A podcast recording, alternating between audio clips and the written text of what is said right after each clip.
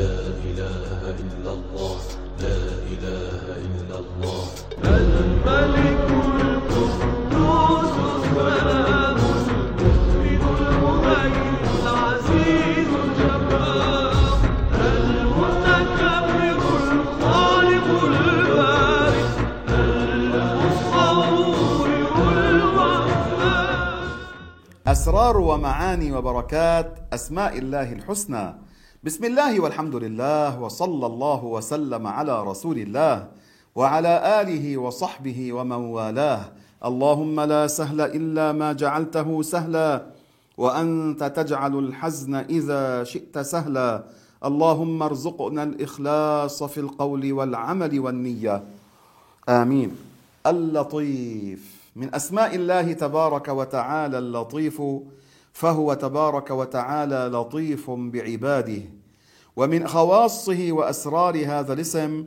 أن من ذكره كل يوم مئة مرة يا لطيف يا لطيف.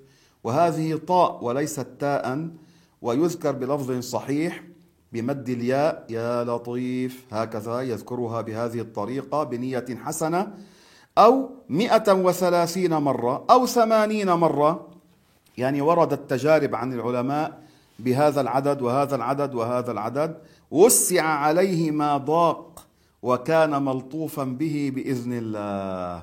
فاذا الزموا هذا الورد هذا الذكر يا لطيف يا لطيف يا لطيف يا لطيف يا لطيف يا لطيف. هذه طريقة يذكر بها هذا الاسم المبارك من أسماء الله عز وجل والذي يدل على الإحسان إلى العباد.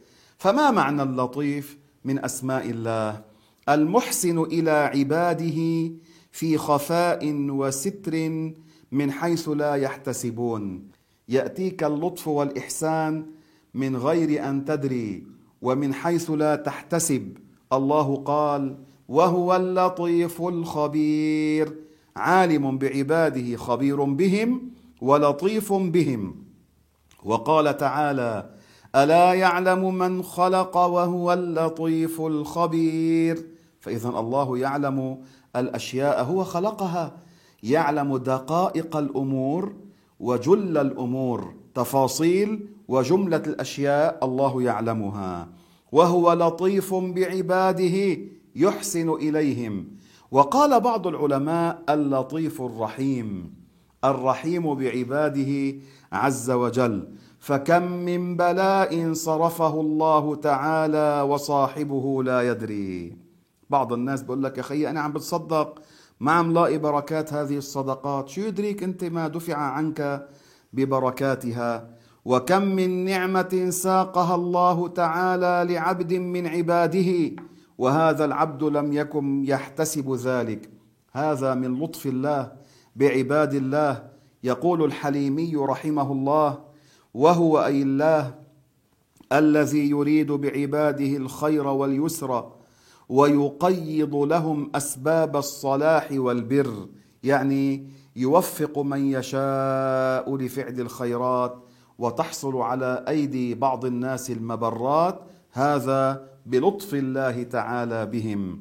وقال البيهقي رحمه الله أراد الحليمي عباد الله المؤمنين خاصة عند من لا يرى ما يعطيه الله عز وجل الكفار من الدنيا. يعني إذا الإنسان وجد أنه انفتحت الدنيا على ناس من الكفار وأن بعض المسلمين مثلا عندهم الفقر والضائقه في المعيشة.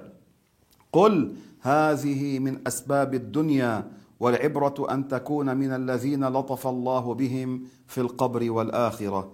وقال أبو سليمان يعني الخطابي رحمه الله اللطيف هو البر بعباده يعني الذي يفعل لهم الإحسان الذي يلطف بهم من حيث لا يعلمون ويسبب لهم مصالحهم يعني ما فيه خير لهم ومصلحة لهم من حيث لا يحتسبون كما قال تعالى الله لطيف بعباده يرزق من يشاء وهو القوي العزيز. فإذا اللطيف هذا معناه من أسماء الله عز وجل وليس معناه لطيف الجسم. فالله تعالى ليس جسما لطيفا وليس جسما كثيفا. الله ليس جسما وليس حجما. فالله منزه عن الشكل وعن الصورة وعن الجسمية ليس كمثله شيء. الجسم اللطيف ما لا يضبط باليد كالهواء كالضوء كالروح. والجسم الكثيف ما يضبط باليد كالإنسان والحجر والشجر والدواب. أما الله ليس جسما كثيفا وليس جسما لطيفا. فالذي ينسب إلى الله الجسمية ما عرف الله. الإمام السيوطي رحمه الله ينقل عن الإمام الشافعي رضي الله عنه قوله والعياذ بالله تبارك وتعالى المجسم كافر. ما عرف الله من كان اعتقد التجسيم. لماذا؟ لأنهم اعتقدوا في الله ما هو من خواص المخلوقين وهو التركيب. المركب احتاج لمن ركبه. والمحتاج إلى غيره عاجز والعاجز لا يكون إلها. فالله تعالى لا يحتاج إلى خلقه المركب احتاج إلى من ركبه. وأما الله تعالى ليس جسما وهو غني عن العالمين. والله تعالى يقول في القرآن العظيم هل جزاء الإحسان إلا الإحسان؟ هنا انتبهوا. إذا علمت يا عبد الله إحسان الله تعالى إليك يعني الذي ساقه لك وأنت لا تشعر ولا تدري. فكن محسنا كما أحسن الله إليك. كيف؟ طب أنا أحسن لله. على أي معنى؟ ألتزم طاعة الله. قال الله وابتغ فيما أتاك الله الدار الآخرة ولا تنس نصيبك من الدنيا وأحسن كما أحسن الله إليك ولا تبغ الفساد في الأرض إن الله لا يحب المفسدين. الله. حتى في هذا أنت تحسن لنفسك. الله لا ينتفع بطاعاتنا ولا ينضر بمعاصينا. إذا ابتغي فيما أتاك الله تعالى هذا الشيء استعمله لدار الآخرة. ولا تنس نصيبك من الدنيا. ما معناه لا تنس أن تشتغل في الدنيا للآخرة. ليس كما يفهمها البعض. غراء في الدنيا واترك الطاعات وانت هلا عايش يلا أعمل المعاصي والمحر والمحرمات. لا. ولا تنس أن تتزود من دنياك لآخرتك. وأحسن كما أحسن الله إليك. كيف الواحد يحسن؟ منها قال لا تبغي الفساد في الأرض. لا تبغي العلو والفساد في الأرض إنما ليكن فعلك لله فإن الله لا يحب المفسدين. ومن لطف الله بعباده إن أعطاهم فوق الكفاية وكلفهم دون الطاقة وسهل لهم أرزاقهم وسبل المعيشة في هذه الأرض. فالله لطيف بعباده.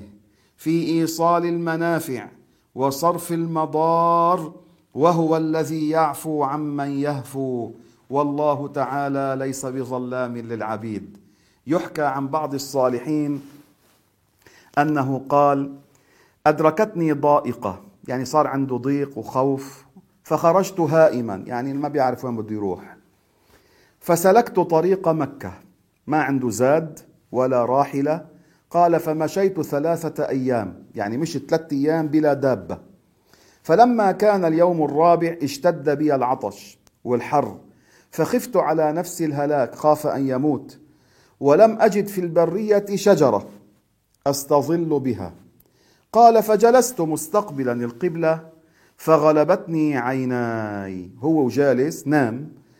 قال فرأيت شخصا في المنام فمد يده إلي وصافحني وقال أبشر فإنك تسلم وتزور بيت الله الحرام وتزور قبر النبي صلى الله عليه وسلم. فقلت له من أنت؟ قال أنا الخضر. عليه السلام هذا نبي الله الخضر ما زال حيا على القول الراجح عند العلماء. فقلت هذا في المنام ادعو الله لي. فقال لي قل. يا لطيفا بخلقه يا عليما بخلقه يا خبيرا بخلقه. ألطف بي يا لطيف يا عليم يا خبير. ثلاثا بنعيدها يا لطيفا بخلقه أنا وأنتم. يا لطيفا بخلقه يا عليما بخلقه يا خبيرا بخلقه. ألطف بي يا لطيف يا عليم يا خبير. ثلاث مرات. قال فقلتها. فقال لي هذه تحفة شيء عظيم بها غنى إلى الأبد حتى تموت. فإذا لحقك ضائقة مصيبة وضيق. أو نزل بك نازلة نزلت بك شدة ومصيبة. فقلها تكفي وتشفي بإذن الله. ثم غاب عني. قال فاستيقظت وأنا أقولها.